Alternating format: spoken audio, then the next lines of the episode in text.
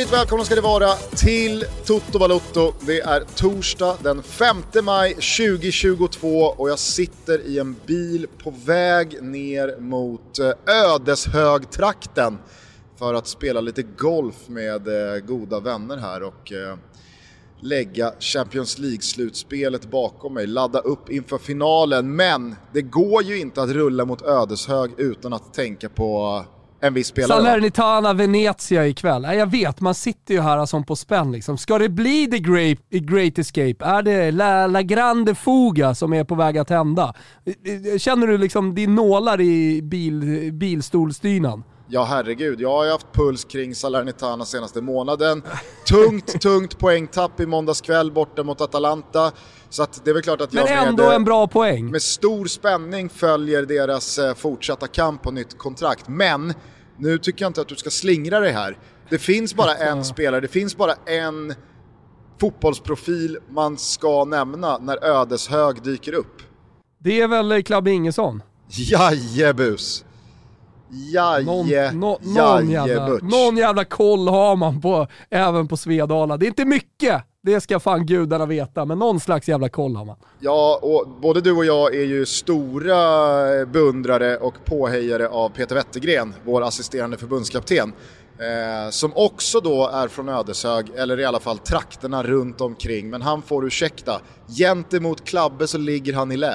Nej, men han berättade ju, eh, eh vår gode Wettergren, assisterande förbundskaptenen, att, eh, nej, men att Klabbe hade spelat en stor roll även i hans karriär. Och när han började coacha så började ju nere i Italien och han nämnde Carlo Mazzone som en stor in inspirationskälla. Precis som vilken annan stor tränare då så bryggar vi över snyggt här. Jo, Pep Guardiola. Det har de gemensamt, Wettergren och Pep Guardiola, att de har en inspirationskälla och det är Carlo Mazzone. alltså, man har inte jävligt många tränare eh, tillskrivits eh, liksom, Peps ledstjärna-titeln? Jo. För att man ska känna att det har blivit lite för urvattnat. Och han själv nämner ju bara Carlo Mazzone, för Brescia-tiden. ja, jo ja, okej, okay, visst. Visst.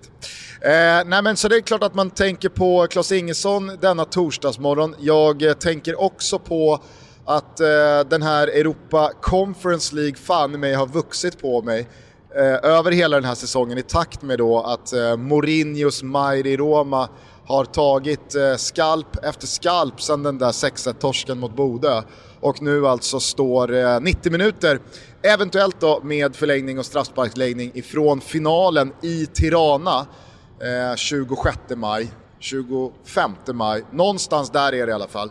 Alltså du vet, blir det Roma-Marseille i Tirana, då har jag tänkt att eh, fråga dig och eh, Kimpen om vi inte ska pipa ner en snabbis. Ja, men absolut, alltså, jag, jag har ju alltid stora så här, reseplaner nu post-corona också. Så eh, kollar man och har biljetter bokade till sista matchen Fiorentina-Juventus. Verkar trögt för eh, lilla mig med tre barn och hund och allt vad det är att komma ner. Men, men eh, det här skulle jag definitivt inte slingra mig från. Men det är kul att du nämner där Conference League och att det börjar ge lite puls och där. Det är väl en sån lig, eller en sån cup, som alltid kommer att vara otroligt trött under hela gruppspelet. Alltså man kommer mer eller mindre inte bry sig om man inte är inne på Betsson och klickar. Men Eh, nu när det liksom är två, en match ifrån eh, en final och kanske även om vi ska vara ärliga, backa bandet i kanske en månad, så, så, blir det ju kul. Det är en titel att vinna. Framförallt såklart för er supportrar till lagen som fortfarande är kvar, men jag också. Jag som inte bryr mig om eh, Marseille, Feyenoord, Roma eller Leicester. Det, jag, tyck, jag tycker att det ska bli kul ikväll att sätta mig och, och kolla på de här matcherna. Ja, och det är väl så man känner också inför eh, framförallt då Frankfurt mot West Ham. Eh, man har ju inte liksom riktigt samma band till eh, Leipzig, men, men Rangers är där också. Så att det, det, är ju roligt med de här två turneringarna som, precis som du är inne på, när de nu står inför finalerna så kommer ju också bucklorna fördelas på klubbar som har stora följen, som är klassiska i fotbollshistorien men som de senaste två decennierna lyfter väldigt lite pokaler. Så det blir ju liksom, äh. det blir, no, det blir ju ja, men, någonting jävligt stort för alla inblandade. Jag, jag, jag, tror att vi lite kan sluta romantisera cupvinnarcupen, även om jag tycker att konceptet är jävligt roligt och att vi ska fortsätta med det. Men man får också komma ihåg... Och namnet. Att, ja, nej men eh, absolut. Namnet är, det ju Det är ju det bästa namnet som någonsin funnits. Alltså nej, som någonsin funnits. Den som har vunnit kuppen spelar i cupvinnarcupen. Det är inte svårare än så. Men jag, jag, jag tänkte bara på det, idag så ser det inte likadant ut som det gjorde för 25-30 år sedan. Kanske var det en anledning till också att cupvinnarcupen försvann. För att det, det är i, väldigt ofta, i många länder i alla fall, samma, eh, samma lag som går till Champions League som också vinner kuppen. Eh, och räknar du in dessutom då Europa League, ja men då blir det väldigt mycket så här, jo men eh, semifinallaget, eller hur, liksom, hur ska vi utse den här eh, deltagaren? Eh, men sen var det en annan sak som jag tänkte på också när jag kollade på lagen bara. Tänkte lite inför kvällen, så här, vilken match är man eh, extra taggad på? Att vi har ju det då lite finare Europa League och eh, då den, den fula europeiska ankungen Conference League. Men alltså Marseille Feyenoord, Roma Leicester i Conference ställt mot Frankfurt West Ham Rangers Leipzig. Alltså, det, det, det är ju det är ganska likvärdiga, eh, nu, nu graviterar jag mot att gilla eh, conference-semifinalerna mer. Eh, men, men om man ska vara lite objektiv sådär så är det väl så ganska likvärdiga lag liksom, som spelar. Ja, så du hade ju kunnat byta plats på alla fyra lagen med varandra och man Exakt. hade inte känt skillnaden. Precis så. Precis så. Och det, ja, men det är också lite roligt och jag tror att det, eftersom det här blir ju första, första finalen då och första gången bucklan ska delas ut i Conference League så, så tror jag ändå att vi kommer summera den sett till hur, hur folk eh, kollade på Conference League när man startade. Vad fan ska det här vara för jävla soptunna till europeisk cup? Eh, och ändå känna fan, ja men det här är ju någonting man vill spela och jag tror också att till exempel allsvenska lag som går dit känner samma sak. Det är ett gruppspel eh, och det, det är ändå stora lag som är med. Ja. Dock så får ju hela Conference League-organisationen och någon art director eller någon grafisk formgivare bakläxa på hur man liksom... Ja men det, det grafiska paketet kring Conference League har ju verkligen förstärkt känslan av liksom en riktig jävla B-sida. Eh, det är någonting med den där illgröna fula färgen och typsnitten som har valts och... Eh, det, det är liksom Vet du vad? Där, de, där de behöver det hända på en saker. tydlighet. Både på namnet skulle de ha jobbat med en tydlighet. Uh, hela konceptet så skulle man ha varit, ja men dels namnet varit lite mer sexiga och som du säger också rent grafiskt och hur man presenterar uh, Conference League uh, utåt. För nu, har, nu, jag tycker inte man har gjort så jävla mycket marknadsföring. Alltså jag tror att man skulle, man skulle ha konceptualiserat det betydligt mer hittat på något. Ja, och det känns också som ett arbetsnamn som på klassiskt maner gick hela vägen till tryck. Ja, men jag tänker ju bara på den här uh, Continental Breakfast när jag hör den. Det är liksom när Rolle sitter nere på Koss och, och, och, klagar över att han har fått in en torr rostmacka och en svart kopp kaffe. Liksom. Hej, jag ordered Continental. This is Continental. Det är lite samma med Conference League. Hallå, jag skulle se en europeisk cup. Well, this is a European Cup. Verkligen. Eh, ja, det blir, eh, det blir spännande ikväll såklart. Eh, roligt och härligt på alla sätt och vis. Men vet du vad jag också gör förutom att blicka framåt mot eh, semifinalerna ikväll och att tänka på Klabbe Ingesson? Ja, men det, det, det kommer jag göra. Jag kommer tänka på honom eh, under hela dagen. Ja, men vet och... du vad jag gör utöver det? Nej. Jag räknar pengar. Jag Asså. räknar pengar efter att eh, det mest orimliga jävla långtidsspel man någonsin lagt har trillat in. Alltså att jag får rätta Real Madrid till final till 14 gånger pengarna, till 12 gånger pengarna och till 10 gånger pengarna. Alltså det, det, det är sån jävla start på den här torsdagen! Ja, det är faktiskt... Fan alltså! Det, det, förstår jag. Det, det, är en Gusten Dahlin som suger in vårsyret eh, där söder om Nyköping där du befinner dig. Nu sitter man ganska gott på Real Madrid att vinna Champions League till 27 gånger pengarna och till 24 ja. gånger pengarna. Ja, det är klart att du mår. Det är klart att du mår. Du kanske borde sälja av det där innan finalen. Eller hur känner du inför finalen? Jag orkar ja, inte men... höra några jävla 50-50 snack här som jag har hört eh, liksom i varenda studio, eller på att säga, finns bara en studio, det är eran. Jag vill höra, jag vill höra vad du känner. Om vi ska vara rättvisa mot vår studio så var det väl ändå Rodrigo som eh, pushade hårdast för 50-50 i, i, igår efter Sinkanta, matchen. Sinkanta, det förstod Exakt. man ju av intervjun med Frida Nordstrand. Ja, nej men eh, alltså det, det, det är väl så att man verkligen ska ha lärt sig efter eh, åttondelsfinalen mot PSG, efter kvartsfinalen mot Chelsea och nu efter semifinalen mot Manchester City. Att det spelar liksom ingen roll vilka Real Madrid möter och hur underlägsna man är på pappret och vad oddsättarna bestämmer sig för är skillnaden i favoritskap.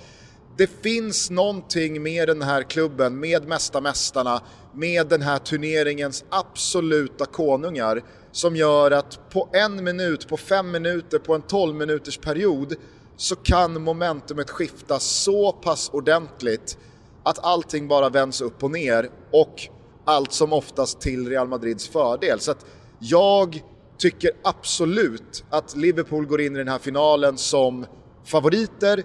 De har imponerat oerhört på mig på alla sätt och vis den här säsongen, men kanske framförallt den här våren, så som Klopp har matchat dem, så som de har spelat. Det är den här första halvleken mot Villarreal i förrgår. Det är ju den som skaver, men där tycker jag mig ha en jävligt, jävligt klarsynt analys som är väldigt basic. Och det var ju underskattning. Det var ju att vi är klara, det är klart.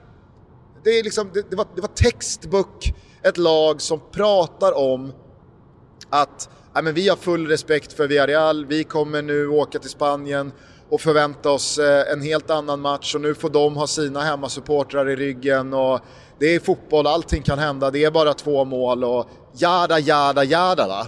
Alltså alla sa ju liksom rätt saker, men man såg ju i deras ögon, man kände i deras tonfall att skönt, nu har vi städat av semin. Nu kan vi tänka på Premier League-ruschen, på fa Cup-finalen och så ska vi spela ytterligare en Champions League-final. För det här kan vi inte sumpa. Klasskillnaden var för stor mellan oss och Villarreal. Så att när de väl fick den där näsbrännan och dubbla lavetterna i första halvlek på eh, La Ceramica, man vet ju vad Klopp sa. Man vet vad Klopp sa i halvtidspaus. Skärp er! Skärp er! För nu håller vi på att sumpa det här och det tänker inte jag tillåta. Nej, men jag, jag är helt säker på att Klopp har eh, en sån här streamdeck vi har eh, i studion här eh, med olika knappar och så händer det olika saker. I vårt fall då ljud. Men eh, vad det gäller honom så har han ganska, ganska tydligt liksom, han trycker på den knappen då händer det, han trycker på den knappen då händer det. Precis som när du beskriver hur de springer telepatiskt in i ytor i maxfart.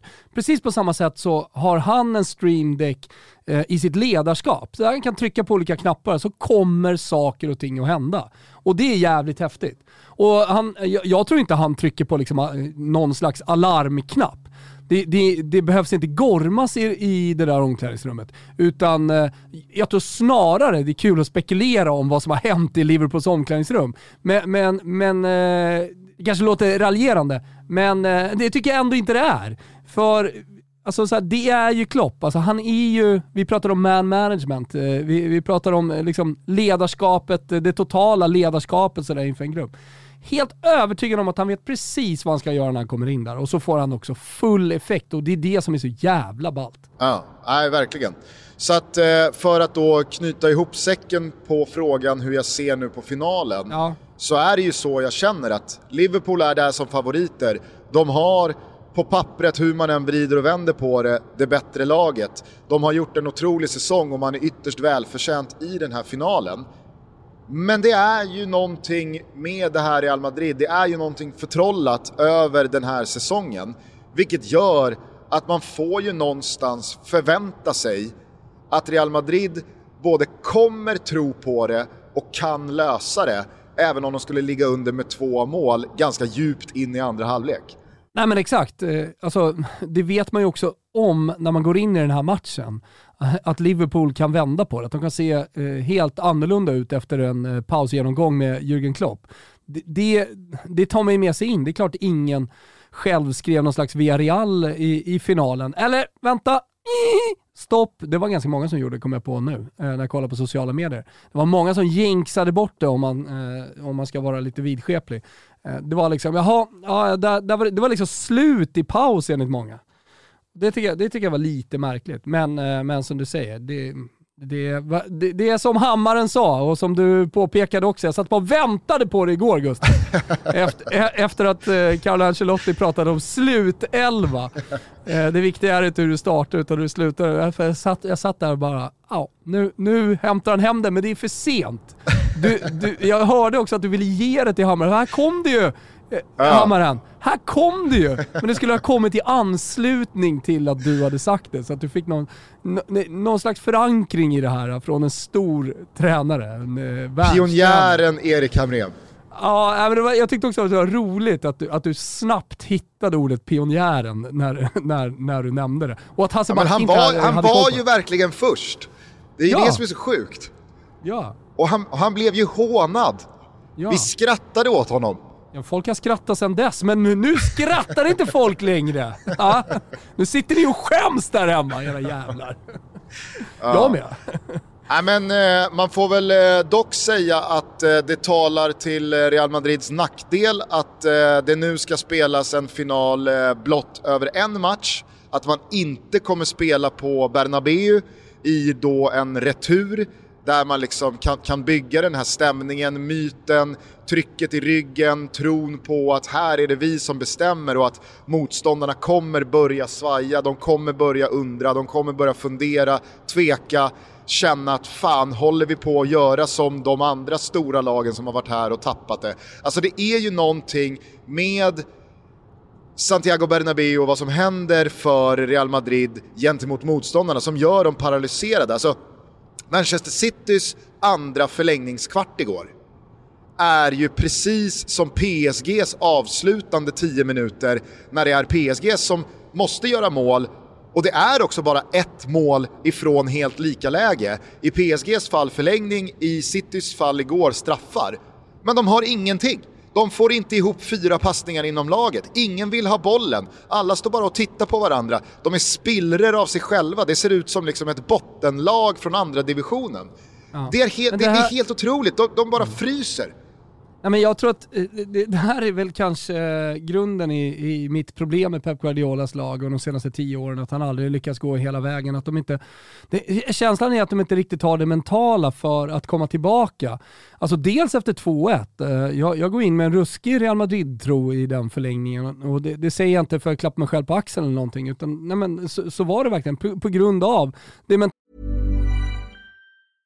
Ryan Reynolds här från Mint Mobile. With the price of just about everything going up during inflation, we thought we'd bring our prices down. So to help us, we brought in a reverse auctioneer, which is apparently a thing.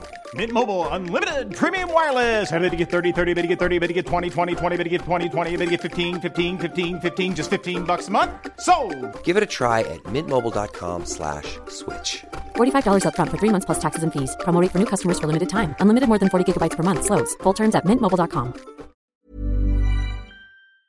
tala givetvis också Santiago Bernabéu och eh, vad, vad en eh, hel stad kan göra eh, med Real Madrid eh, och när de står bakom dem och, och deras, deras eh, sång eh, i ryggen på dem. Men, eh, men framförallt det här, alltså de, jag känner bara de senaste tio åren, när man har hamnat i problem, när, när det handlar om pannben, alltså då, då dyker inte Manchester City upp, eller då dyker inte Pep Guardiolas lag upp. Och det, det, det, det, det fortsätter att gå in med samma, det kommer ju se likadant ut nästa säsong höll jag på att säga. Nu kanske jag går lite händelserna i förväg, men man kommer ju man kommer ju inleda säsongen fantastiskt. Alltså Real, eh, Manchester City kommer spela kanske den bästa fotbollen då i hela världen och de kommer se helt slaktbra ut. Men det är nu, det är april, maj, det vi pratar om hela tiden. Alltså lidelse. Eh, Jo, jag vi... vet. Jag, jag vet, men vänta, Thomas, vänta. Men... Jag säger inte bara ja. lidelse, men, men det, det jag egentligen menar med lidelse, det, det handlar ju om eh, alltså dels vinnarinstinkt när du verkligen ställs på prov mentalt. Så, och, och dels då att komma tillbaka efter att ha fått ett, liksom ett, eh, i det här fallet då, två sena mål på sig. Och att studsa upp och eh, sen eh, gå ut och vara dig själv, att spela din bästa fotboll. För mig handlar det, för mig handlar det om eh, det, det mentala. Egentligen kanske det är lite förenklat att säga bara lidelse. Men, men det handlar om vinnarinstinkt alltså, som byggs på en mental inställning och en, en mental kraft som jag inte tycker Pep Guardiolas lag har. Alltså jag, jag, jag köper såklart allt du säger. Jag, jag tycker också att eh, i det här skedet på säsongen och på den här nivån i de här matcherna så är det såklart att du kommer, du kommer liksom skilja agnar från vete när det kommer till då det mentala, till pannben, till vinnarmentalitet, till eh, ja, men, de, de, de, eh, de mjuka värdena som inte bara är ditt fotbollskunnande. Jag, jag, jag, jag köper det till 100%. Dessutom, alltså en gång är ingen gång, två gånger, ja, men då, då, är det, då är det någon typ av tradition som är i görningen. När det kommer till Pep Guardiola och Manchester Citys försök att vinna den här turneringen, ja då är vi uppe här nu på tre, fyra, fem, kanske sex gånger eh, där det har tagit slut nära men inte hela vägen. Så att det, det är väl klart att det ligger ju någonting väldigt konkret i det, det finns substans i det du säger. Men jag tycker ju samtidigt att man återigen också måste peka på de extremt små marginalerna som gör att den här matchen inte tvärdör. För jag menar, över 180 ordinarie minuter så är ju Manchester City klart mycket, mycket, mycket, mycket bättre än Real Madrid. Och jag menar de här avslutande chanserna igår när City leder med 1-0 från Jack Grealish båda gångerna. Alltså Courtois nuddar den där bollen med den absoluta yttersta spetsen av sina dobbar. Annars rullar, rullar Grealish in 2-0 där. När Grealish går runt eh, Courtois och spelar in den parallellt med mållinjen. Jag vet inte om det är Mondy som rensar den, men alltså att den bollen inte träffar, jag tror att det är Foden och studsar in, eller att det är någon annan fot som är där och bara petar in och stänger det där till 2-0. Alltså, det är ju på samma sätt, tycker jag, svårt att när det har sett ut som det har gjort på det sättet i de avgörande skedena säga att äh, men det här handlar om att det ja, saknas jag, jag någonting det, hos men, Pep Guardiola och hans Manchester City. Men alltså, jag menar så att de måste ju göra någon slags analys av vad som hände i förlängningen, alltså vad hände direkt efter 1-1? Alltså det går ju ändå att hitta eh, liksom delar av den här matchen där man verkligen kan prata om det mentala. Jag är helt med dig, alltså sett totalt över, över eh, de här två mötena så eh, om man kollar på Fantomens statistik så ska väl eh, City vinna den här, eh, i alla fall, eller gå vidare från det, det här mötet eh, kanske 70% av, eh, av gångerna. Jag vet inte. Men, men, eh, men det är i alla fall min känsla. Det kan vi ta med oss men fortfarande prata om det mentala. Vad händer vid 1 hur, hur kommer de ner där vid 1 Hur får de slå det inlägget? Vad händer där inne i boxen? Vad händer i förlängningen? Eh, alltså för det, det, är ändå Real Madrid som går in i det där straffområdet, slår en bra boll på Benzema och sen så Eh, eh är, det en dålig tackling. Men, men de är ju där. Jag menar, de, de, skapar det och känslan är ju Real Madrid, Real Madrid, Real Madrid där. Och eh, de lyckas inte, som du också är inne på, lyckas inte eh, skapa så mycket chanser. Och det ska jag fan säga, för det sa ni inte, det sa ni inte i studion. Det är ju mega offside på Fernandinho. Alltså så det, det läget de, de vaskar upp, hade, det, hade den gått in och det hade varat så hade det varit mega offside. Alltså han är, han är offside med en halv meter. Ja, okay. Ja. Eh, så, så, så jag menar så här, med det sagt så skapar de ju faktiskt ingenting. Sen är det ju, alltså, det, det är ju, alltså på det så är det ju en, ett bra läge, alltså bara på nicken. Ja, ja, absolut. Så att det, det är en stor, det är en stor målchans. Det är en stor målchans, det är den Oavsett. målchansen de har. Ja, exakt. Ja. Eh, men, men reaktionen från Real Madrid på ett eh, Manchester City-mål hade ju varit enorm med, med hela publiken i ryggen. Så de hade ju skapat målchans. Det hade ju varit Real Madrid som jagade ytterligare ett mål, det är jag helt säker på också. Sen är det ju så, jag pratade med Vicky om det i, i eh, slutstudion igår också, att hela snacket inför den här säsongen, när transferfönstret väl stängde, handlade ju om en enda sak när det kom till Manchester City.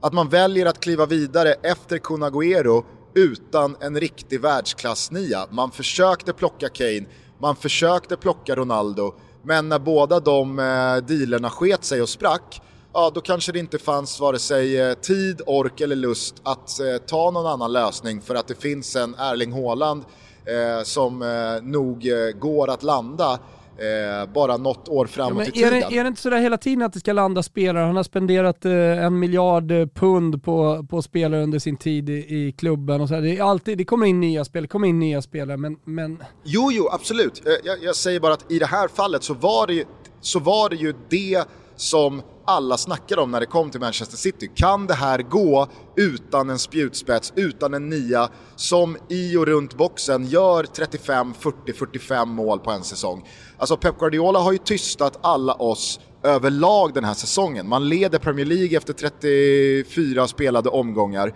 Eh, man eh, var välförtjänt framme i Champions League-semifinal på vippen att eh, gå hela vägen till final. Visst, det, det blir ingen fa titel och det blev ingen ligacuptitel, men det är ju titlar som kanske inte riktigt avgör eh, Manchester Citys säsonger eller förändrar sådär jättemycket vad gäller betyget på dem.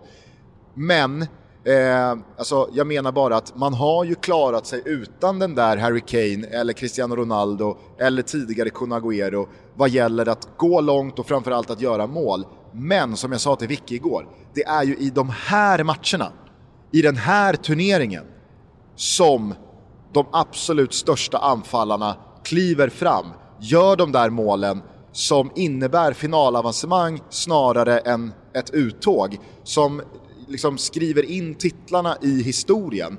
Det, det, är ju, det är ju det som är skillnaden på ett Manchester City med en världsklassnia och Manchester City utan en världsklassnia. För jag är helt övertygad om att hade Harry Kane spelat i Manchester City, hade Cristiano Ronaldo spelat i Manchester City den här säsongen, äh, men jag, jag kan tänka mig att det hade liksom det hade inte sett jättemycket bättre ut vad gäller någon målskillnad eller resultat. Man hade säkert kunnat bränna någon av de inhemska kupperna och herregud, som jag säger, man leder Premier League. Men det här dubbelmötet, det hade varit över redan innan andra halvlek på Santiago Bernabéu hade visslats igång. För att den nian hade då gjort två eller tre mål över de här två matcherna som gör att det hade varit, liksom, det hade varit en tremålsmarginal. Nej men så är det såklart. Eh, sen är det ju lite otacksamt att vara ett eh, Manchester City, ett Liverpool, ett Juventus och så vidare och så vidare och så vidare. Eftersom man alltid bara kommer mäta deras säsonger på titlar. Det spelar ingen roll hur nära man är ju. Det spelar ingen roll hur bra man har varit fram till nu. Om man faller på mållinjen i Premier League mot Liverpool och torskar lite oförtjänt mot Real Madrid, ja, det spelar ingen roll. Det är ingen som kommer, kommer ihåg det i historien. Förutom, Nej, förutom Gugge Dahlin liksom i ett quiz sådär. ja men, men, exakt, och på, och på, samma sätt så kan du ju vända på det när det kommer till Real Madrid och Karim Benzema. Alltså på de här sex matcherna, åttondelarna, kvartarna och semifinalerna, så har Real Madrid uppbringat ungefär 45 minuter bra fotboll. Men Karim Benzema har gjort 10 mål. Han har gjort 10 mål i åttondelsfinalerna, kvartsfinalerna och semifinalerna och varit den stora tungan på vågen, har ju varit den här skillnaden, har varit den här världsklassanfallaren som gräver fram ett och två och tre mål i matcherna som gör att det inte blir förlust utan som gör att det blir avancemang. Det är, det är alltså så här, i slutet av dagen i den här turneringen så här långt in så är det ju det som är skillnaden. Nej, det, det, det, är, det är det. Det är Benzema som blir liksom tungan på vågen lite i de här mötena och när han gör den där Panenka-straffen, tänk om han missar den. Så här, det, då, då, är inte, då är inte Real Madrid i final. Så den ska ju också räknas in att han inte bara, inte bara leder dem hela vägen alltså med sina mål, utan han, han, han står ju även för stort artisteri. Och jag menar, bollen fram till Rodrigo igår, Alltså, där dras ju varenda jävla ljumske i hela världen. Jag vet inte om du ser det, men han, han får kraft i fel fot när han trycker den eh, fram till Rodrigo. Det är en sak att hinna upp bollen, få en fot på den, men att styra in den med någon slags kraft i det läget, det, det är också artisteri. Så, och jag menar så här, en, en Ballon d'Or-vinnare måste ju också vara lite av en artist och då kan man kanske tycka att Lewandowski saknar det eller att Benzema kanske saknar det. Men det, det, det, det visar ju med all önskvärd tydlighet i, i, i, i, uh, i när, när det gäller som mest. För det, det tycker jag också är en viktig poäng sådär, när man, när man, ska, när man ska dela ut eh, titeln till världens bästa fotbollsspelare eller världens bästa lag. Men det gäller att vara bäst när det gäller. Och det är Benzema. Det är så enkelt. Det är klyschigt men det är enkelt. på tal om artisteri så är det ju ett sånt jävla storkukslugn också från Don Carlito Ancelotti Ja, ja. När, han plockar, när han plockar av Benzema i eh, förlängningen. Ja, ja. Det är ingen fara. Ceballos ska in sen också, självklart. Då, ska, Ja, alltså då, ska, att- då är hela Vibene-duon eh, ute. Det är lugnt. Ja. Tänkte mycket på Backe, eh, alltså ehm, från minut 80 fram till eh, Visslan 120. Då tänkte jag väldigt mycket på Backe mot Spanien. Det är lugnt, Ja. känner jag bara. Jo men alltså du Ancelottis tre första byten. Ah, han byter ut Modric, Casemiro och Kroos. Ja, det, är- det är faktiskt helt otroligt. Han byter ut Benzema. Men, men eh, jag vet inte... eh, Ja, men alltså när, när, när, alltså, när, Je, äh, vad heter han? Jesus Vallejo. Alltså man När han, ju... drar av sig, när han drar av sig tröjan och ska in, så känner man, man- bara att nej, men alltså, nu, nu, nu, nu trollar Ancelotti med oss. Nu driver han med oss. Alltså man, man hörde ju eh, på Pinitore när han sa Vallejo att det fanns en historia att berätta om Vallejo, men det fanns inte tid för Pinitore att berätta historien. Men man vet också att eh, Pinitore är den enda som sitter på Vallejo-historien. Men, men varför minut 80? Jo, för eh, det är ett läge när man undrar vad fan är slutforceringen? V- Var är ni Real Madrid? Och framförallt i ett läge när Mandy och eh, Vinicius Junior står och passar varandra på egen planhalva. Jag kommer du ihåg den sekvensen? De passar varandra typ så här tio gånger. Jag vet inte om de väntar på någon slags trigger i laget, att det ska hända någonting. Eh, men, men det spelar liksom ingen roll, man känner bara frustration. Vad är det som händer? Så vänder man på det och sen börjar man passa lite på andra sidan. Och sen så kommer typ en långboll, alltså med en en mot en situation med Benzema och, och Laporte. Typ.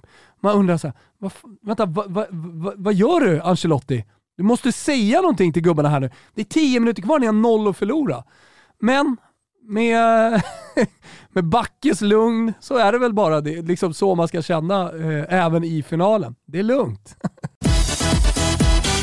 Toto Balotto är väldigt, väldigt glada över att välkomna ner i Toto-båten Finn är. Ja, men ruskiga Finn är. Är det månne det bästa som har kommit ur Suomi? Mm, jag tror nog det. Och nu får ni fan hålla i hatten för det händer sannoliken grejer. Finn är introducerar nämligen nu sin nya stylish kabin för sina långdistansflighter och sin nya bekväma reseklass Premium Economy. Ja, men känn lite på den. Premium Economy. Den här nya kabinen, som är otrolig, den finns tillgänglig via Business Class och Premium Economy från och med den 11 maj på rutten mellan Arlanda och JFK i New York. Och vad är det då som är så härligt med den här nya kabinen? Jo, det finns såklart wifi ombord så man kan sitta och surfa. Det finns trådlös laddning, USB-uttag, anpassat förvaringsutrymme för sin laptop och så en sprillans, sproilans uppdaterad in-flight entertainment-system till sina varsina 18 och 13 tums skärmar. Ja, men tänk er själva innan ni sitter i den här kabinen. Hur sugen blir man inte på att plöja igenom filmutbudet på flighten och pumpa wifi medan man flyger över Atlanten? Och piper till det stora äpplet. Finns det någon rabattkod undrar ni, eller är det bara så att det har kommit en ny eh, Uber-stylish eh, kabin? Oh! Det är klart att det finns en eh, rabattkod. TOTOFINAIR. Jajamensan, TOTOFINAIR. Om man använder den får man 400 kronor rabatt på varje ekonomibiljett och hela 1500 kronor rabatt om man bokar business. Koden gäller mellan den 4 maj och den 18 maj, så nu är det bara att möta den tidiga sommaren i The Big Apple. Vi säger först och främst stort grattis till Finnair till er otroliga nya kabin och sen säger vi stort tack för att ni är med och möjliggör Toto Balotto. Vi är sponsrade av Flowlife och eh, ni vet vad de är vid det här laget hoppas jag. Det är bara att gå in på flowlife.com annars.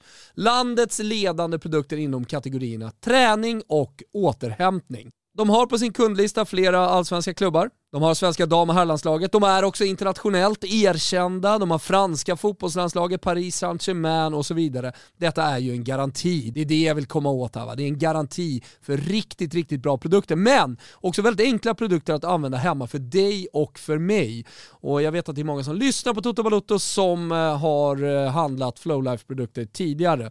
Nu när våren kommer så har de fantastiska träningsredskap. Sådana till exempel som man fyller med vatten eh, till valfri vikt och eh, kan ta med sig till landet eller ut i en park till exempel.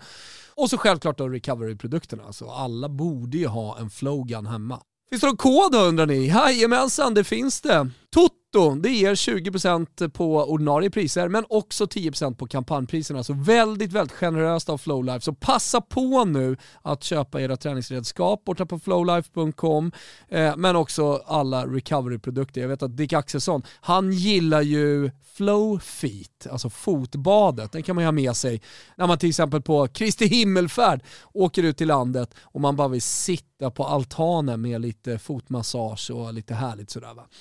Koden är TOTO, flowlife.com är det som gäller. Vi säger stort tack att ni är med Toto Balotto.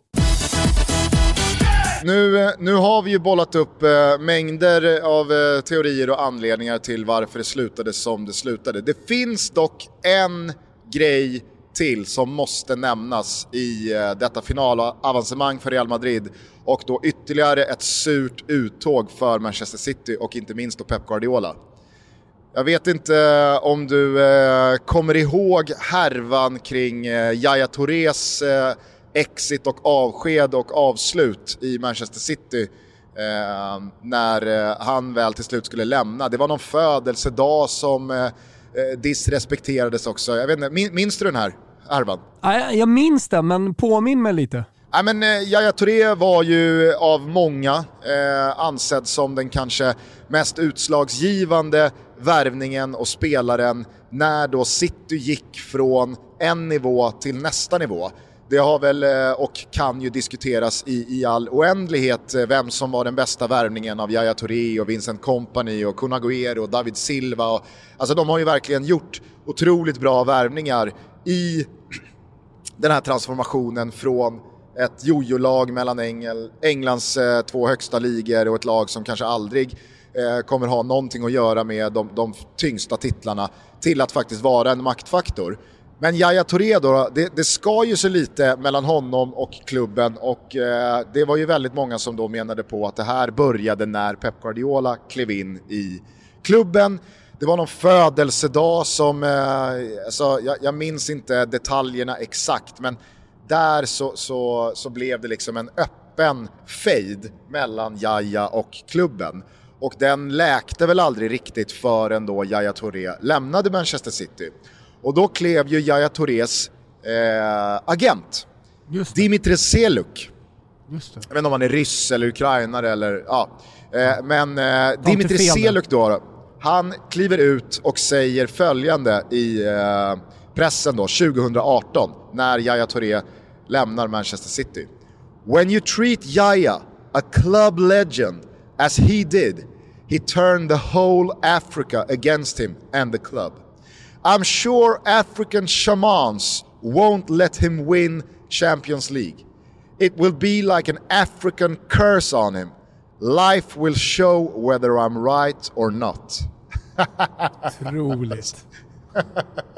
Otroligt. Och när jag läser de här orden och påminns om dem så känner jag, jag vet inte riktigt om vi behöver prata om Real Madrids storhet och Ancelottis byten och Karim Benzemas eh, avgörande mål i de här matcherna. Det är en alltså, African curse. Exakt. Det ligger och vilar en afrikansk förbannelse över Pep sen han pissade på Jaja. Aj, aj, jag, jag, vem är jag att säga emot? Vem är jag att säga ja. emot liksom, de här uh, tunga krafterna? Ingen! Så jag säger ingenting heller. Nej, härligt. Eh, nej men eh, bara för då att eh, summera takesen på den stundande finalen då så är det väl så att Real Madrid såklart kommer sakna Bernabeu som faktor i ett dubbelmöte. Men jag tror samtidigt att Real Madrids chanser mot just Liverpool ökar när det inte ska avgöras över 180 minuter, eventuellt 210 minuter. Utan jag tror ju att det, liksom, det, det gynnar Real Madrid att det bara är en match kontra två mot jo, ett så skickligt så... lag som Liverpool när det finns en sån bredd eh, och när det finns såna otroligt utslagsgivande spelare att laborera med för Klopp kontra ja, tror... då Ancelotti i många fall. Jag tror att det är den enda analysen man kan göra utan att bli dumförklarad. Och sen, samtidigt så känner man ju att liksom, ja, men Real Madrid, alldeles oavsett om det är Bernabéu eller inte, alltså eh, Liverpool ska också lämna Anfield eh, och resa. Det är två resande lag. Det är eh, una partita secca, det är bara liksom 90 minuter som ska spelas. Att, ja, men, nu har man en månad på sig att förbereda det här det kanske, jag, jag vet inte vad, jag söker efter, men att det lite, blir lite grunt att kolla på historien fast det är det enda man kan göra. Det blir lite grunt att bara kolla från, från eh, åttondelsfinal och framåt och hur, på vilket sätt Real Madrid har eh, tagit sig vidare från dubbelmötena. Eh, jag, jag, tror att det är ett annat Real Madrid som kommer komma in. För när jag kollade på det här mötet igår, jag mässade med lite polare, tycker det är sån otrolig klass både på Manchester City och på Real Madrid. Och det är det som är så häftigt att kolla på en Champions League-semifinal kontra liksom all annan fotboll. När, när, det, när det är två så bra lag med er, dels erfarenhet, eh, det finns ett lugn i, i bollbehandling och allting sånt där. Eh, men också en spets, en mot en. Både defensivt och offensivt ska sägas också. Kyle Walker kan definitivt nämnas som en av de spelarna. Eh, men, men när det finns så otroligt eh, mycket klass i båda lagen så, så skulle jag ändå liksom någonstans vilja landa i att det, det, det kommer vara de stora spelarna som avgör det här. Och, och, och eh, det laget som har förberett sig bäst inför det här mötet. Och eh, i den förberedelsen lägger jag inte in så mycket historia. Och vet du var jag landar då någonstans? Vet du var jag, vet du var jag landar någonstans då i, i min analys? Nej. 50-50. okay. I Rodrigos. Ja, men jag trodde du då, alltså, med, med, med det snacket, skulle eh, liksom landa i då Real Madrid med tanke på att Liverpool bara har en massa finaler kvar fram till finalen den 28 maj. Alltså man har inte råd att tappa en enda poäng i Premier League ifall man har tänkt att vinna ligatiteln. Dessutom så återstår en fa Cup-final mot Chelsea. Så att jag menar, Liverpool, om de har tänkt att vinna kvadruppen, så måste ju de gå fullt och de måste spela bästa lag i i princip varje match. Jag tror säkert att Klopp kommer rotera, och, och jag menar herregud, det har väl alla som har tittat på Liverpool den här våren sett att det går att snurra på två, tre, fyra spelare i det där laget utan att man tappar knappt en enda procent i klass. Alltså, ibland är det Luis Diaz, ibland är det Diego Jota, ibland är det Firmino, ibland är det Keita, ibland är det Henderson. Alltså, det finns val att göra och Liverpool har fortfarande ett extremt slagkraftigt lag. Men där har ju Real Madrid en jävla annorlunda dryg tre veckors period här fram till eh, finalen. Man är klara ligamästare, man har ingen kuppfinal kvar att spela. Man kan bara slicka eh, eventuella liksom, trötthetssår, eh, man kan få tillbaka spelare från lite skador, jag tänker framförallt då på David Alaba. Eh, man kan bara fokusera på den här Champions League-finalen. Men samtidigt så har ju historien lärt oss när det kommer till Bayern München och när det kommer till PSG att det behöver ju inte vara bra att man har avgjort en liga och bara kan puttra på tvåans växel hemma i ligaspelet parallellt med de största matcherna i Champions League. Utan att det, det, kan ju faktiskt vara till Liverpools fördel att de har fem matcher kvar innan den här finalen som kommer kräva deras absoluta maxfokus och deras absoluta högsta växel. Så att jag vet inte, jag vet inte hur du värderar det där, men jag tycker det är svårt att landa på vilken fot man ska stå när det kommer till att dela ut en fördel i just de här tre veckorna som återstår.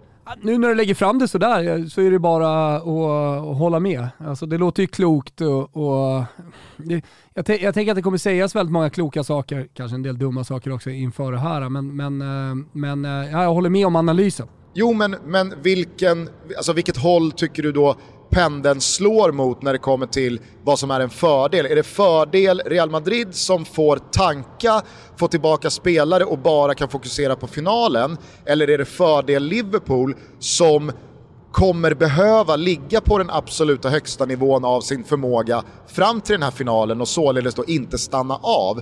För då, det har ju du varit inne på varje gång ett, ett ligavinnande Bayern München åker ur Champions League eller ett ligavinnande PSG åker ur Champions League. Att det här är nog ett resultat av att de har fått gå och sparra på tvåans växel lite för mycket hemma i Tyskland, hemma i Frankrike.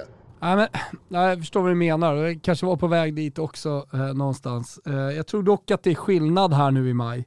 Alltså dels är skillnaden att eh, man ändå eh, i den spanska ligan får spela fotboll, eh, precis som eh, Jürgen Klopp får göra.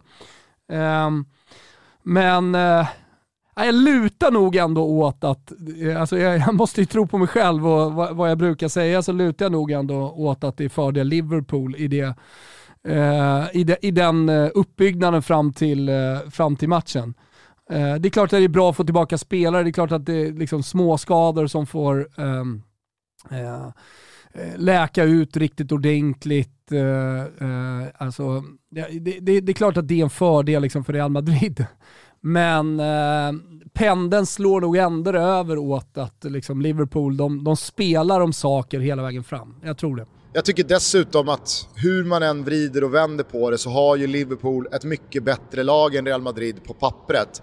Jag tycker man absolut kan argumentera för att Courtois är en målvakt att föredra framför Alisson. Sen vet jag hur jävla högt eh, Liverpool-sekten håller Alisson och jag är den första att nämna Alisson när man ska prata om världens tre, fyra bästa målvakter. Herregud. Men jag tycker definitivt att Courtois är där också.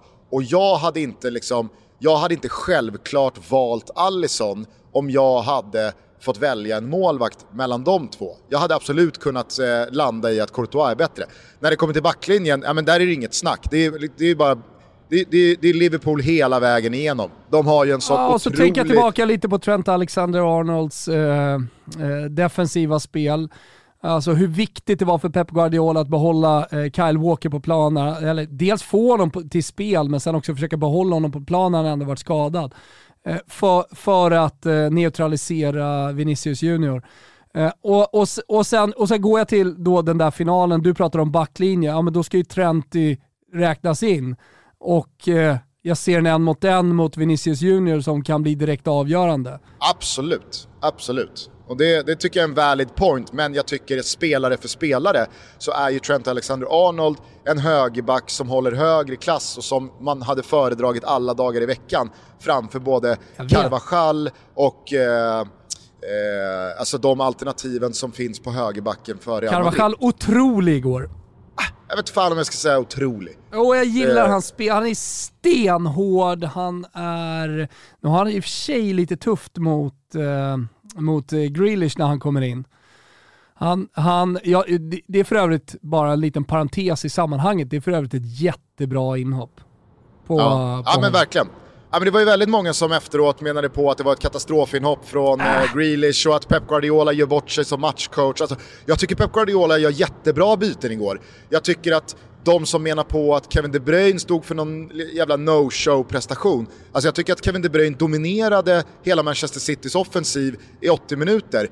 Alltså kom ihåg att han har varit småskadad här senaste veckorna. Jag, jag, jag, jag, är inte säker på att han hade så mycket kvar att ge. Jag tyckte det också, eh, liksom hans reaktion och sättet Guardiola och Kevin De Bruyne möttes på sidlinjen när KDB byttes ut talade för det också. Det var inte någon KDB som var missnöjd över att bli utbytt eller kände att “Hallå, vad fan plockar du av mig för?” Utan jag tror att man gjorde analysen att det här löser vi utan De Bruyne och nu har du gjort vad du kan göra fysiskt vi behöver dig till de avslutande matcherna eh, här nu eh, framgent i Premier League och till en final. Eh, men jag menar, alltså, jag tycker både Gündogan och Grealish inhopp under då ordinarie 90, de minuterna som återstår, jättebra.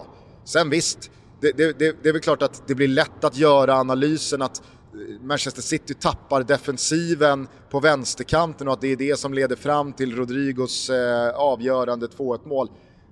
Men hej, alltså då, då, då tycker ja, jag att man vi, drar vi lite för stora växlar. Igen. Vi är ju vid de där ja. dobbarna igen, 47 ja. minuter in i avsnittet eller vad vi är.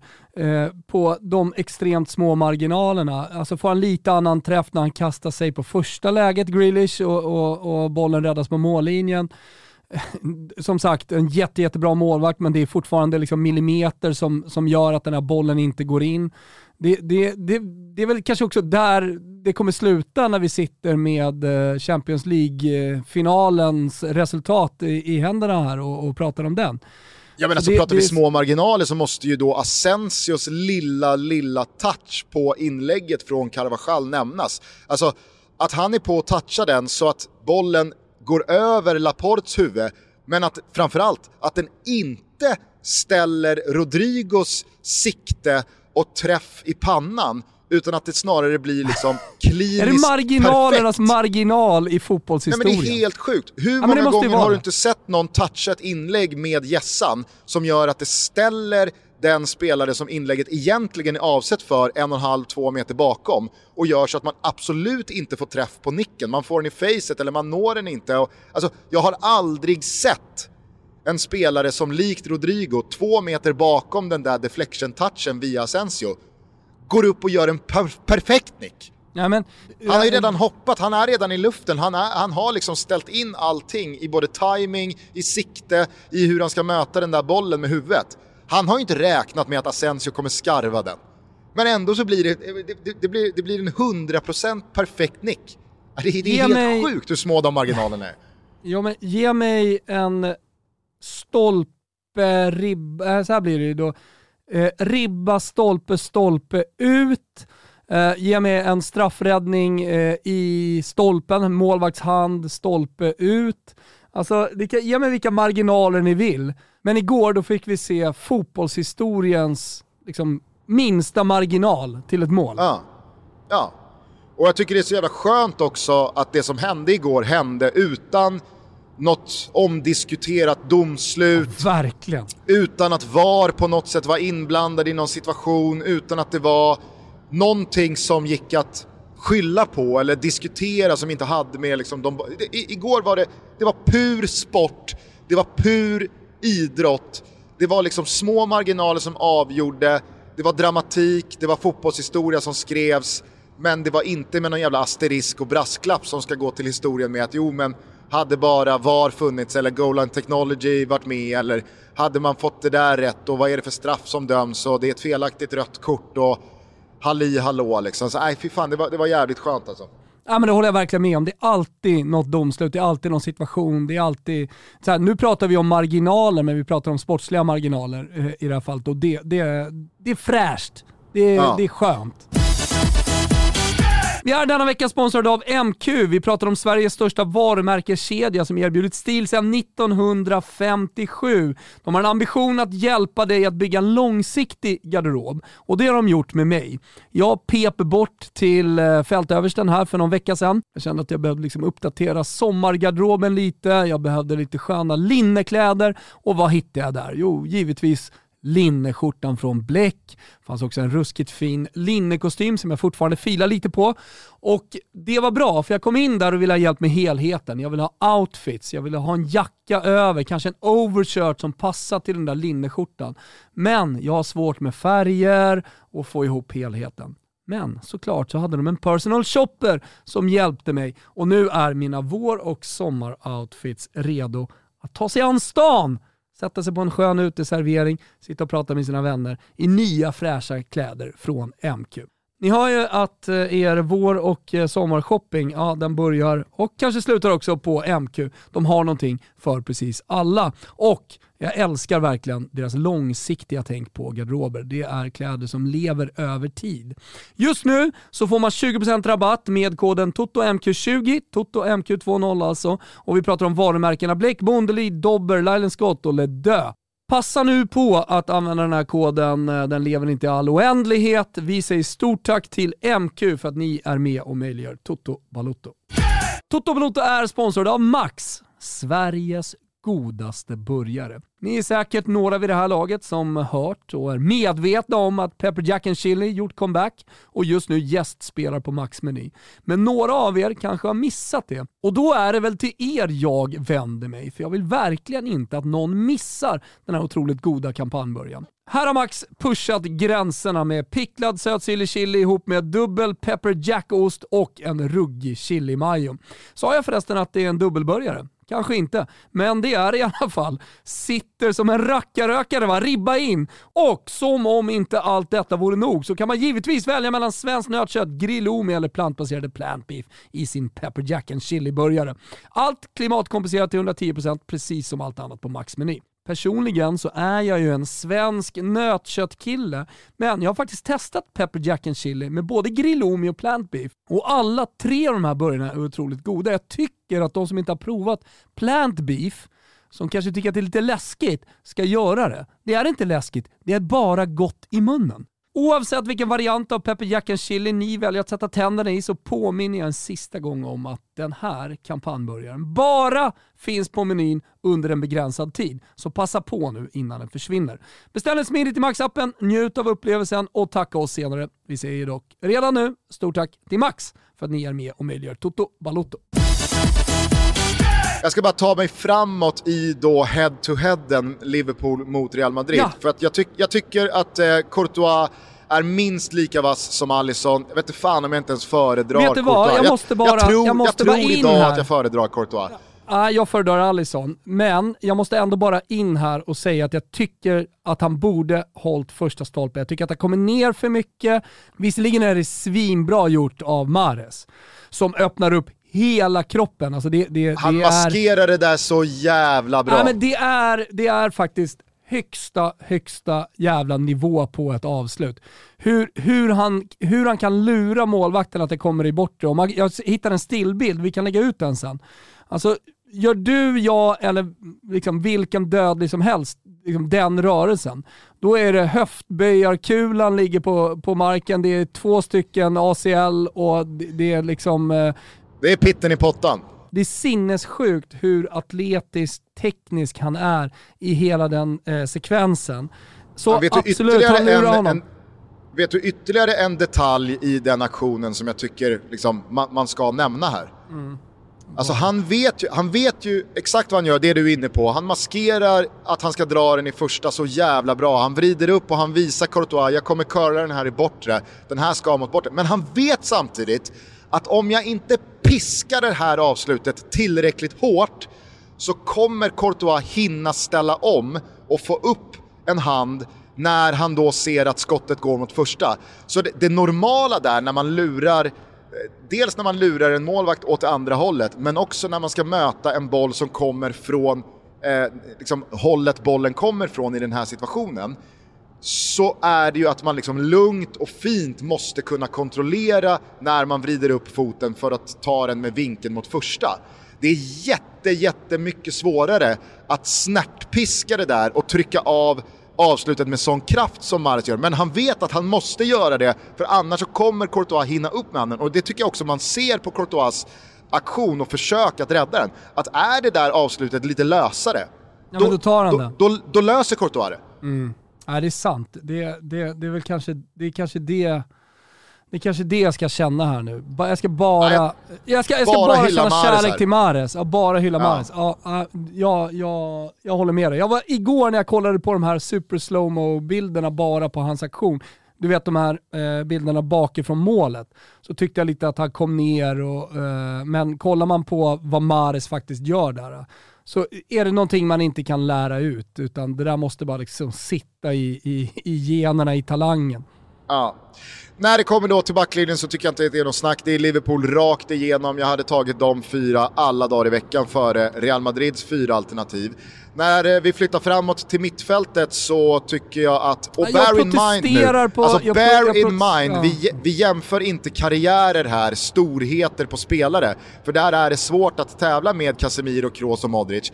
Men här och nu, Ja, det går väl att argumentera för att man ska peta in Luka Modric på det där mittfältet om man ska kombinera det bästa möjliga. Och då är det ju såklart Jordan Henderson, men kanske framförallt Naby Keita som får flytta på sig. För jag tycker att Thiago och Fabinho för dagen, för den här våren, för den här säsongen, håller en högre nivå kontra då Casemiro och Kroos. Så att eh, där, mittfältet går ju också på ganska klar poäng till Liverpool. Jag förstår vad du menar, men jag väljer ändå Modric, eh, Casemiro här. Eh, om, om, om, om jag blir tvungen liksom att välja. Och flytta eh, på en- Fabinho.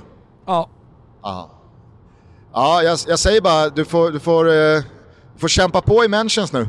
Ja, Nu kommer ja, de. Ja, men det, det är inte bara för intervjun som eh, vi fick se i Simor igår eh, i sändningen, men alltså det finns någonting i Casemiro inför alltså den här typen av stora matcher.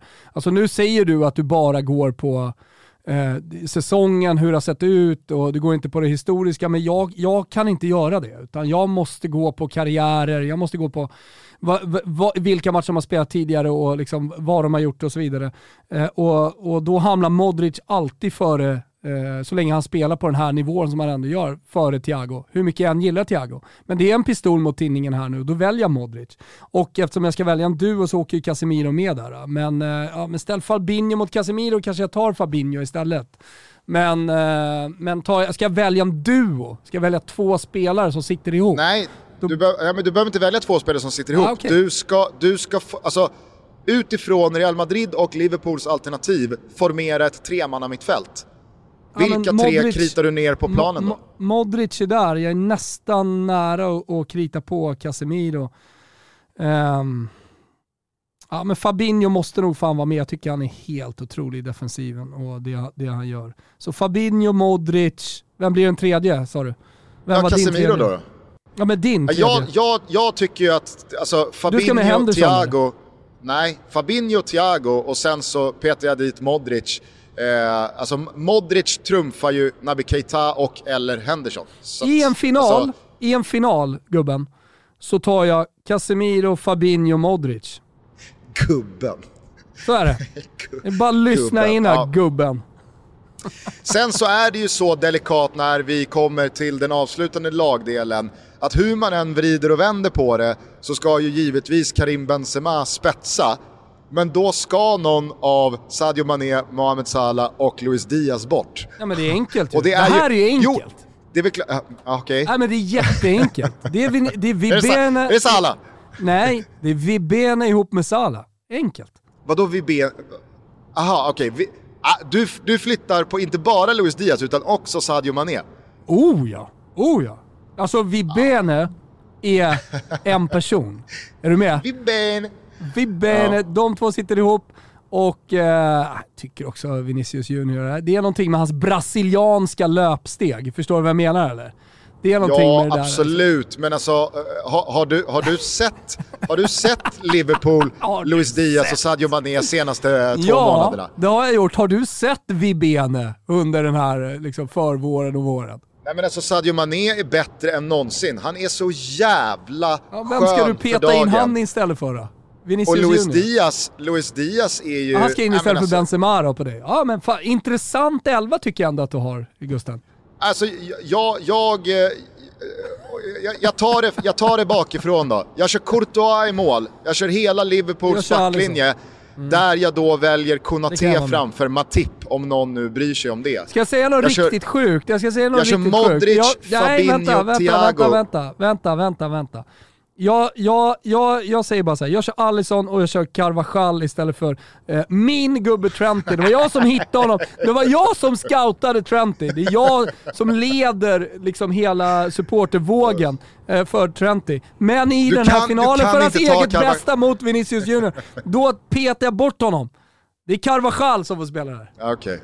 ja det, det, är... Det är, det är otroligt. otroligt. Det är, det är otroligt faktiskt. Ja, fortsätt. Mittfält. Ja, nej men eh, Fabinho, Thiago och Modric och så blir det Salah ute till höger, Mané får kliva ut på sin ordinarie position då, eh, ute till vänster, även fast han har varit helt otroligt centralt. För där måste såklart Karim Benzema fronta. Men att, att liksom att det känns självklart i magen att lämna utanför Vinicius Junior här är ju märkligt. Och Luis Diaz kan ju vara den mest smutsheta spelare vi har där ute just nu. Alltså det, det, spelar, det spelar liksom ingen roll här. Det, det är Vibene på topp ihop med Salah. Det, det, är ett anfall, det är världens bästa anfall. Det är inte svårare än så. Det går, inte, det går, inte, det går liksom inte att, att hålla på och flytta på, på något annat sätt känner jag. Eh, så att eh, där har vi där har vi, kul att vi var så oense höll jag på att säga, att vi tyckte olika. Men eh, jag känner starkt för mittfältet Fabinho, Casemiro, det är, det är ett otroligt mittfält. Och sen så då Modric eh, som får peta runt där med sina fantastiska fötter. Han är också, jag tänkte på det igår Gusten, han är också jävligt bra i defensiven Modric, alltså så lite underskattad när, när det kommer någon och ska försöka dribbla honom. Han är så jävla bra på att läsa och bara liksom ja. ta bollen nästan lite sådär förnedrande av sin motståndare. Stark i kroppen också. Och stark i kroppen. Ah, vilket mittfält. Men alltså Casemiro och Fabinho som centralt mittfältslås, det, det, får Oj. ju en osökt att tänka på när stolta Gulo Gulo kunde ställa upp med Stefan Schwarz och Jonas Tern på ja. centralt fält. Herregud. Då var det fan stil på Sverige. Ja, Då är det klass stick. på grejerna. Ja, det var det sannerligen. Klabbe redo att hoppa in. Ja, ja. Klabbe är redo att hoppa in på en kant kanske. Alltså det spelar Ja, egentligen ja, inte så jävla ja, stor roll, men alltså, han skulle älga fram Klabbe. Stötta upp. Stötta Det upp var vad, och det, älga det var vad på. Klas Ingesson gjorde i 20 år. Han stöttade upp. Ja, och så otroligt omtyckt. Jag kommer ihåg eh, de otroligt sorgliga dagarna när, när han gick bort. Jag jobbade på Expressen och pratade, ringde sportchefer för att få reaktioner och, och sånt där. Alltså, alla har ju förstått att han var väldigt, väldigt uppskattad i både Bari och i Bologna. Och om jag ska vara helt ärlig, hela Italien minns ju Kla, eh, Klas Ingesson. Eh, men alltså de starka reaktionerna eh, som jag möttes av när, när jag pratade med Cinquini, gammal sportchef i Bologna och så vidare och så vidare. Det var, ja, men då, då först slog det mig hur jävla stor han var under 90-talet där borta. Den otrolige Klas Ingesson. Fan vad fint att kunna minnas honom en sån här torsdag i maj också. Ja, och det ska vi sannerligen göra också. Jag tycker att vi i och med det börjar runda av. Vi lyfter på hatten eh, för eh, Unai Emery och hans gula ubåtar. Tackar för showen. Det blev en jävla Champions League-run för Villarreal. Men allting hamnar ju i skuggan när det kommer då till Real Madrids finalavancemang. För där kan vi snacka om en Champions League-säsong för historieböckerna. Hur nu det här än slutar. Den afrikanska cursen ligger över eh, Pep Guardiola och puttrar. Det är bara att konstatera att eh, det var där allting började för spanjoren som jagar förtvivlat vidare efter att få lyfta den där pokalen igen. Man ska inte fucka med Jaja, man ska inte fucka med Afrika. Eh, vi blickar framåt mot eh, de avgörande semifinalerna ikväll då, då i eh, både Europa League och i Europa Conference League. Och sen så vill jag eh, uppmana alla att titta på Fotbollssöndag Europa på söndag när vi ramar in inte bara då Madrid-derbyt, Atletico mot Real, utan framförallt Scudetto-jakten Hellas Verona mot Zlatan Ibrahimovic Milan. Jag hoppas och jag tror att det är de sista tre matcherna i Zlatans karriär. Jag hoppas och jag tror att det kommer sluta med en eh, Scudetto. Jag hoppas och tror att det kan bli infernaliskt spännande så att eh, var med oss eh, i Fotbollssöndag Europa på söndag. Ja det gör vi. Ni vet hur ni laddar upp eh, inför helgen. Ni eh, ser till att köpa de nya otroligt snygga burkarna som Pepsi Max har tagit fram. Det är eh, samma maximum taste, eh, samma kraftsmak i eh, burkarna såklart som alltid med nya snygga. Det finns till exempel en sleek can nu eh, som eh, jag vet vissa är lite skeptiska till, men då kan man köpa den vanliga också. Men eh, jävligt snygga burkar, men framförallt jävligt gott. Nu är våren här, nu är det Pepsi Max-tider om eh, det inte har varit det förr. Eh, och sen så vill jag också säga att vi efter kvällens matcher kommer sätta oss ner och eh, kika lite på helgens spel. Vi kommer med en trippel på våra sociala medier, så håll utkik där. Vi är såklart glada över att vi satte den snyggt i tisdags, men lite bittra över att liksom spelet satt, men inte under ordinarie tid på onsdagen då mellan Real Madrid och eh, Manchester City. Eh, Det var nära, eh, men eh, och hade vi haft moneyline med lite lägre odds, ja då hade den suttit. Hur som helst, det är eh, Betsson.com, eh, ladda ner appen om ni inte har den och eh, godbitar boostade odds eh, som gäller när ni väl är där. Ja men hörru du, vad är det som händer här nu då Mr Hockey-Tutto? Vad hamnar Gugge bakom? Är det, är det, är det en buss? Jajamän, jag tror att det är en ganska bakfull buss. Är det HV? Det är HV! Ja men tuta då! Tuta då på HV! De är De har- tillbaka i SHL här efter finalen mot Björklöven igår. Det har ju eh, krökats på eh, friskt, vill jag ändå hoppas och tro, uppe i Umeå. Nu, alltså jag, jag känner ju spritdoften 50 meter bakom här på Vet du vad? E4 Södergården. Tuta på den, vet du vad vi ska gå ut på? HVs fantastiska inno. Den ska vi gå ut på nu, bara för det. Fan vad härligt! Vänta, jag måste, jag måste lägga ifrån mig mikrofonen här och ta en bild. Så att eh, ni, ni, ni kan tro på mig. Galna jävla bakfulla HV. Nu, nu kanske jag överdriver tycker ni, men jag tycker att den är otrolig. Ja. Nu kör, nu kör jag om dem här, jag ska se. Oj, oj, oj, oj, oj vad slitna grabbarna är! oj, oj, oj! Det var pannor mot rutorna hela vägen där. Oj, oj, oj, oj, oj, oj, oj, oj. Festen fortsätter nere i Jönet då. Och Tuttofesten fortsätter på måndag. Då eh, tar vi ner fotbollshelgen som varit. Ta hand om varandra till dess att vi hörs igen. Njut av livet, njut av våren, njut av värmen. Eh, lycka till ikväll när ni kör eh, Hockeytoto live eh, på Jeffries. Ja, men tack så mycket alla som eh, har vägarna förbi Jeffries ute i Haninge, men eh, varmt välkomna. Det blir lite av en show, kan jag lova. Det Underbart. blir vad det blir. Ge mig HD nu för fan Kimpa! Tack för att ni har lyssnat. Eh, vi hörs på måndag igen. Ciao tutti! Ciao tutti!